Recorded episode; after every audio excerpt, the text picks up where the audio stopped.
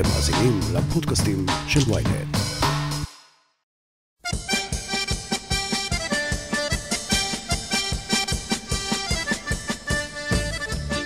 בשנת 1926, לפני כמעט 100 שנה, מי שהתהלך ברחובות תל אביב היה עשוי להיתקל במודעה משונה. הזמנה לחתונה, אבל לא בין בני זוג מאוהבים, אלא בין הקהל לבחירת ליבו הזריקה. המודעה החגיגית הבטיחה שמשתה הנישואין יימשך בכל חודש אוקטובר ושיהיו ריקודים מטיפוס או טיפוס מיוחד בליווי דקירות מחטים ויללות ילדים. התלבושות חשופי זרוע ובלי שרוולים.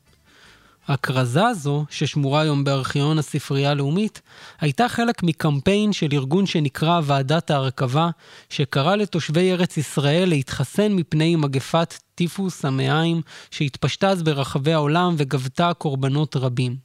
וכמו היום, גם אז, לא היה פשוט לגרום לישראלים להתחסן. מחלות זה דבר מפחיד, אבל בשביל הרבה אנשים תרופות הן דבר מפחיד לא פחות. ראינו את זה גם בשנה האחרונה. העולם כולו שקע בחרדות מפני מגפת הקורונה, עם שלל סיפורים יצירתיים על אופן התפתחותה והתפשטותה, וברגע שהתחילו לדבר על חיסון, היו מי שהתחילו לחשוד מיד גם בו. אבל בפרק הזה לא נדבר על הקורונה עצמה, פשוט כי זה מוקדם מדי. אנחנו עדיין בתוך הדבר עצמו, וכדאי לתת קצת זמן לאבק לשקוע לפני שמתחילים לסכם את התופעה. אני חושב שנוכל ללמוד לא פחות על השמועות ועל הקונספירציות שקשורות בקורונה ובחיסון לקורונה, דווקא מההיסטוריה. כי אם נראה לכם שהמצאנו משהו חדש, אז לא ממש. כמו שאומרים הצרפתים, ככל שזה הולך ומשתנה, זה נשאר בדיוק אותו הדבר. שמועות וקונספירציות על בריאות היו איתנו מאז ומתמיד, ונדמה שהן הולכות גם להישאר איתנו לנצח. בואו נדבר למשל על תסמונת הכשל החיסוני, שידועה בקצרה בשם איידס.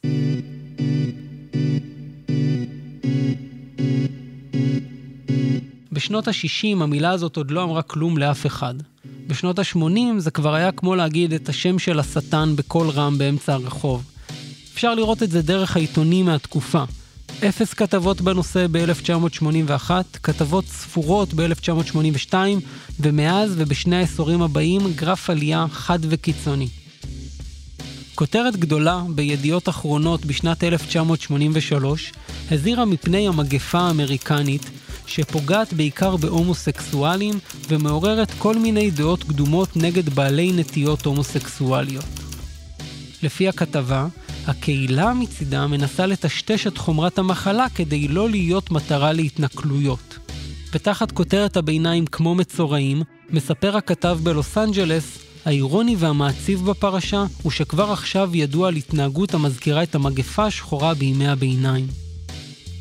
לא עובר כמעט יום מבלי שאמצעי התקשורת יספרו על יחס עוין להומוסקסואלים, על פיטורים מהעבודה, הימנעות ממפגשים חברתיים עמם, ואף על ניתוק כל מגע. אבל הכי מעניינת היא כנראה הפסקה האחרונה בכתבה, שמספרת שהומוסקסואלים רבים אינם נרתעים מלהאשים את הממשלה בהאטה מחושבת של מציאת התרופה למחלה. לדבריהם, הממשלה השמרנית מצפצפת עלינו בגלל אורח החיים שלנו. ולאמירה הזו אנחנו עוד נחזור. העיתונים מהתקופה, ואפילו לא צריך לנסוע בשביל זה לארכיונים המציבים בארצות הברית, אלא מספיק להסתכל כאן אצלנו, משקפים את הבהלה המטורפת מהמגפה, שכונתה בתחילת שנות ה-80 בשמות המגפה האמריקנית, תסמונת ההומוסקסואלים ואפילו הסרטן ההומוסקסואלי.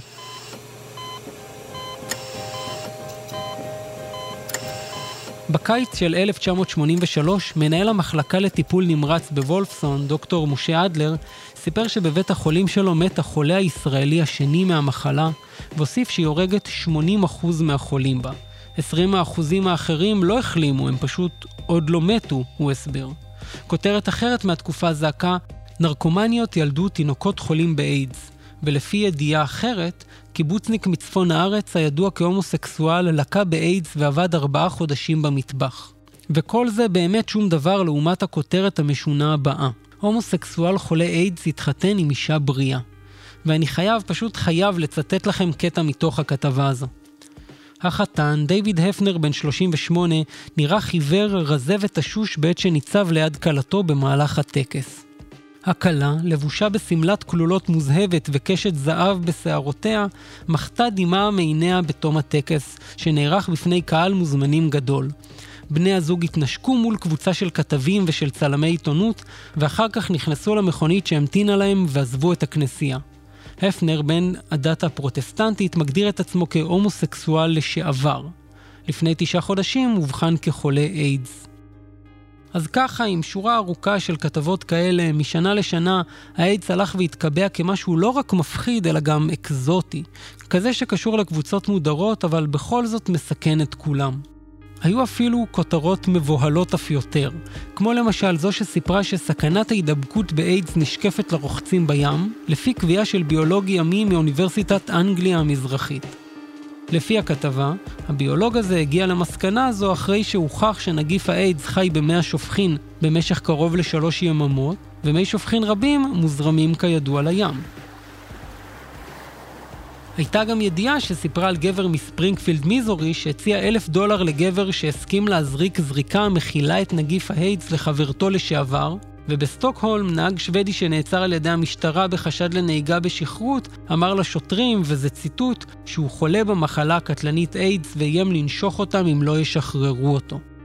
ידיעה אחרת טענה שאפשר להידבק באיידס דרך הטלפון, לא ממי שבצד השני של השיחה, אבל ממי שהשתמש בשפופרת לפניך.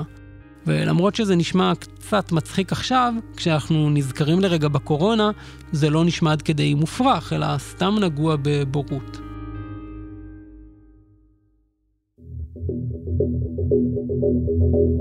אנשים מאוד פחדו מאיידס בשנות ה-80 וה-90 ובצדק. אבל בהתאמה ופחות בצדק, הם גם מאוד חששו ממי שלכאורה עלול להדביק אותם. במידה כזו שסקר שנערך בארצות הברית גילה שרוב האמריקנים מצדדים בהטלת הסגר על חולי איידס וחלקם אף מוכנים להרחיק לכת עד כדי דרישה לסמן אותם על ידי כתובת קעקע.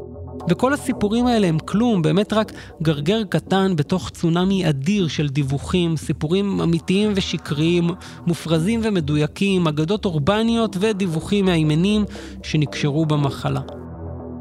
במסיבות, בברים, סיפרו סיפורים פרועים פי אלף ותלושים פי מאתיים. יש למשל את האגדה האורבנית המפורסמת, אולי אחת האגדות האורבניות הכי מפורסמות אי פעם, שזכתה לכותרת "ברוך הבא למועדון האיידס". הסיפורים האלה התחילו בערים הגדולות של ארצות הברית והגיעו, כנראה באמצעות תיירים, גם לישראל, וכאן הם היו נפוצים בעיקר בתל אביב ובאילת.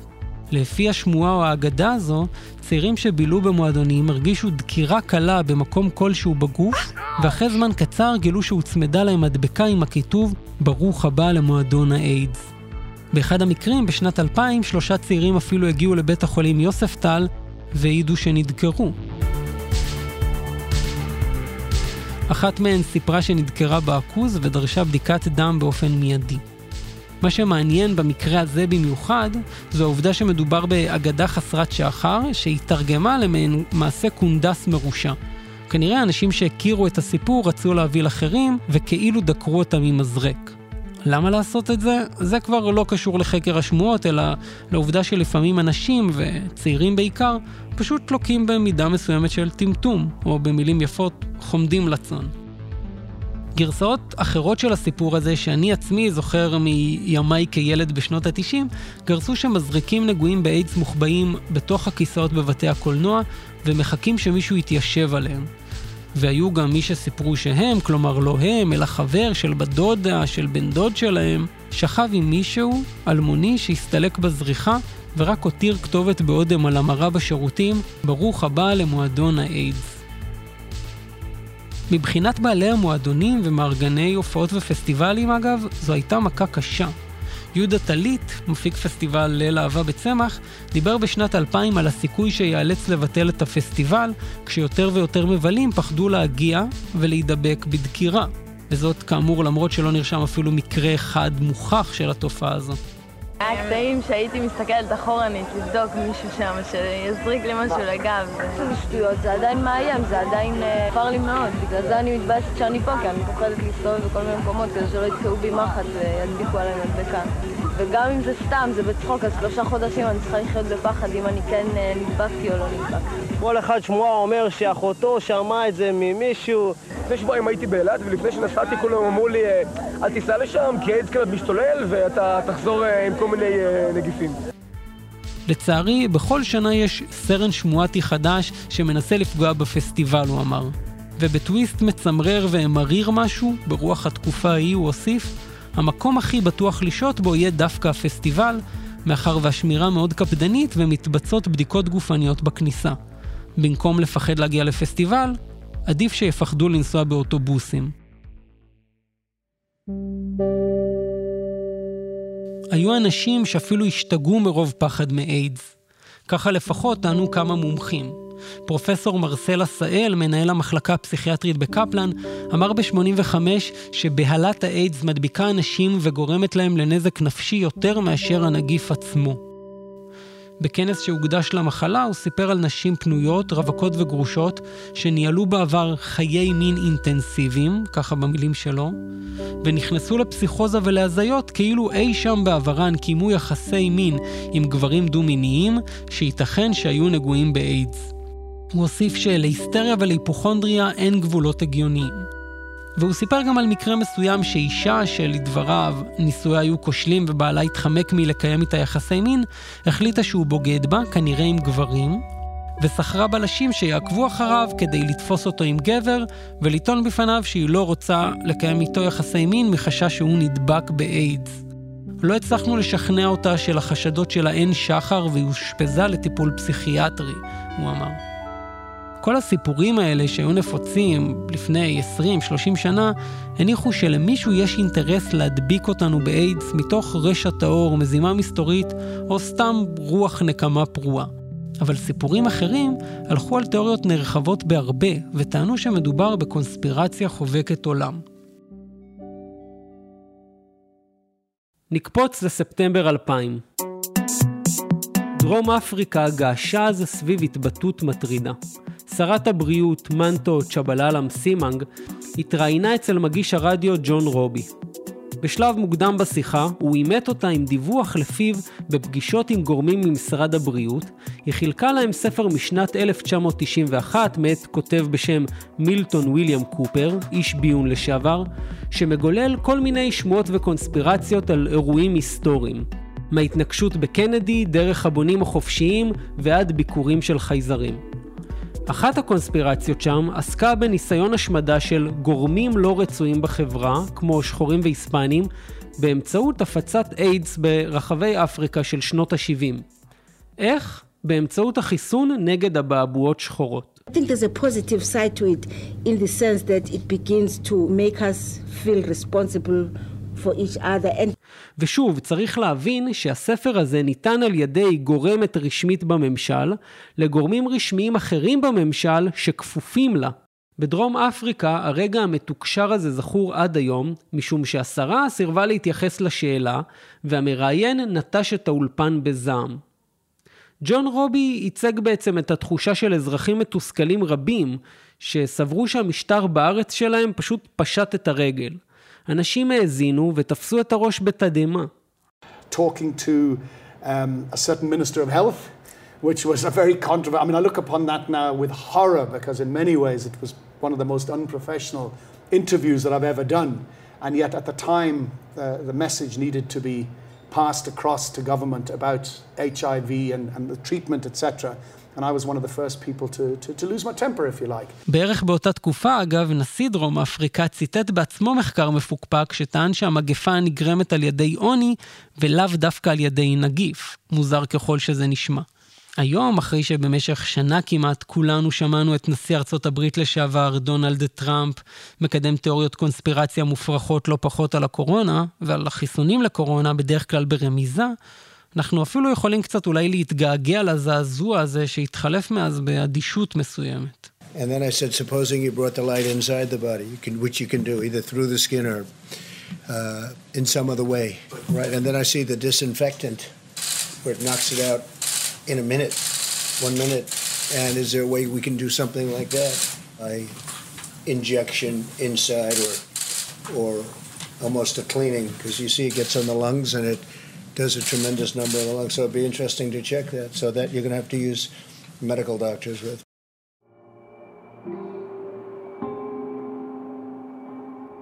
נדמה שלא צריך באמת להסביר למה כל הקונספירציות האלה בעייתיות. ובכל זאת, תחשבו על זה רגע. מגפה מסוכנת, מאוד מדבקת וחשוכת מרפא מתפשטת במדינה שלכם, ולא רק שמישהו מכחיש אותה ובכך מסייע להתפשטות שלה וגורם לאנשים לא להקפיד על היגיינה ואמצעי מניעה, יש מי שאפילו מאשימים את הרפואה עצמה בכך. ולא רק זה, הם מאשימים את החיסון נגד אבעבועות שחורות וגורמים לאנשים לפחד מפני החיסון למגפה אחרת, מסוכנת בערך באותה מידה. ושוב, לא מדובר כאן באיזה גורם שוליים סהרורי, אלא בממשל עצמו, במי שאמור להגן על האזרחים. גם בארצות הברית, השמועות על איידס עפו בחלל בקצב שישראלים ממריאים לדובאי. מיד נגיע לשמועות עצמן, אבל קודם צריך לדבר רגע על הרקע. צריך להבין שכשהאיידס, HIV באמריקנית, התגלה לראשונה, בארצות הברית כינו אותו באופן לא רשמי מגפת ארבעת ה-H'ים. הומוסקסואלים, משתמשי הרואין, המופיליה, מחלה תורשתית שמתבטאת בתפקוד לקוי של קרישת דם, וההיטי, כלומר מהגרים מהאיטי. אלה נחשבו לארבע הקבוצות שנמצאות בסכנה הגדולה ביותר לחלות ולהפיץ את המחלה. אחר כך ממהגרים מהאיטי בלבד, הסטיגמה עברה להתייחס לשחורים בכלל. וככה הומוסקסואלים ושחורים סומנו כמעין מצורעים מודרניים, קבוצות שיש להתרחק מהן כמו ממכורים להרואין. אבל גם אנשים רבים מקרב הקהילות האלה האמינו שהממסד רוצה ברעתם, מדביק אותם בכוונה, או פשוט מזניח אותם ולא מטפל במחלה בדחיפות הנחוצה. בארצות הברית, כמו בדרום אמריקה, הרבה האמינו שמדובר בניסיון מכוון להשמיד אוכלוסיות מסוימות באמצעות הדבקתן במגפה. אחרים האמינו באותה קונספירציה, אבל עם טוויסט טיפ-טיפה יותר מתוחכם. בערים הגדולות הסתובב סיפור לפיו צבא ארצות הברית, ה-CIA והבית הלבן חברו לפתח יחד נשק ביולוגי סודי, שנבחן על גופם של שחורים ולהט"בים. איך מסבירים את העובדה שגם לבנים נדבקו בו? לכאורה זאת הייתה לא יותר מטעות, הנגיף פשוט יצא משליטה. אם עוד לא שמתם לב, זה הזמן להצביע על הדמיון המובהק בין הסיפורים האלה שהיו נפוצים לפני 40 שנה, לבין הסיפורים על הקורונה היום, שגם הם עוסקים באופן שבו ממשלים מנסים לכאורה לשלוט בנו באמצעות המגפה או באמצעות חיסון, או שאולי מדובר בנשק לחימה ביולוגי סיני וכן הלאה.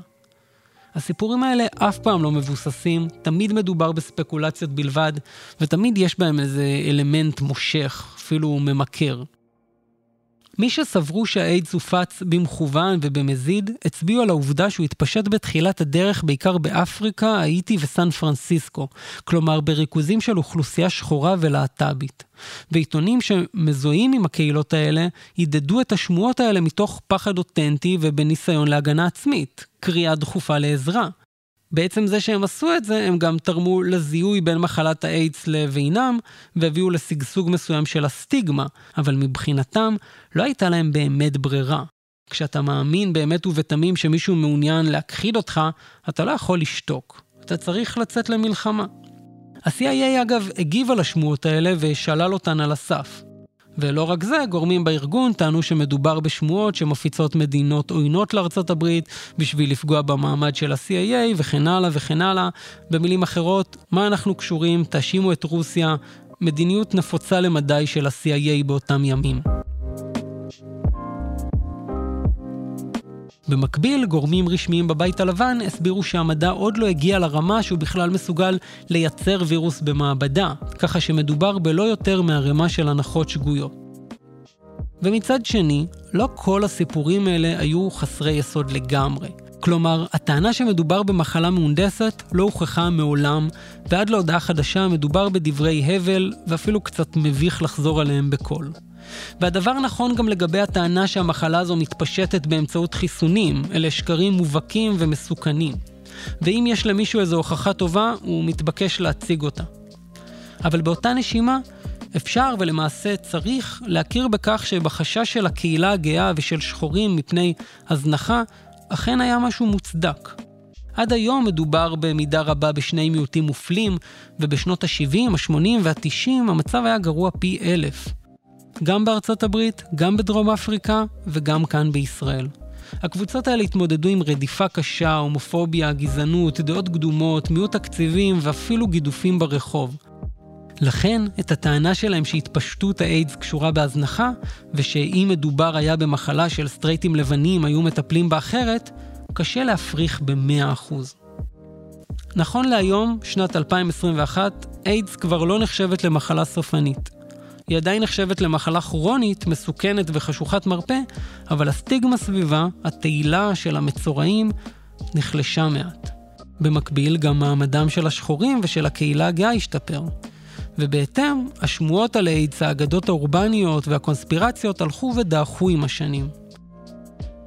כיום נדמה שמכל הסיפורים על המצאת האיידס במעבדה או התפשטותו באופן מכוון, נשארה בעיקר תחושת הקיפוח הקשה של קהילות מסוימות, בעוד שהסיפורים היצירתיים יותר והמבוססים פחות על מעורבות ה-CIA או על הדבקה דרך חיסונים, די נעלמו מהשיח.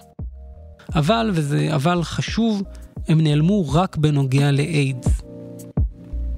בנוגע למגפות אחרות, כמו הקורונה, הם עדיין לגמרי כאן.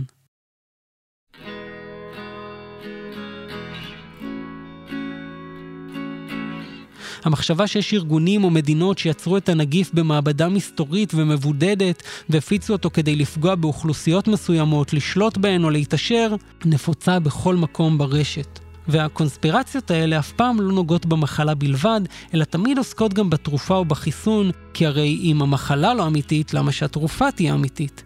אם הקהילה המדעית מתגייסת כדי להרוג אנשים, למה שהיא תנסה להציל אותם? ההיגיון הוא אותו היגיון בעייתי. ונדמה שכמו במקרה של תסמונת הכשל החיסוני, גם העתיד של סיפורי הקורונה ידוע מראש. המחלה תיעלם בהדרגה מחיינו או תהפוך למסוכנת פחות, ככה לפחות כולנו מקווים. הקונספירציות ילכו ויידחו, ומספרי הסיפורים ישבו ויחכו למגפה הבאה.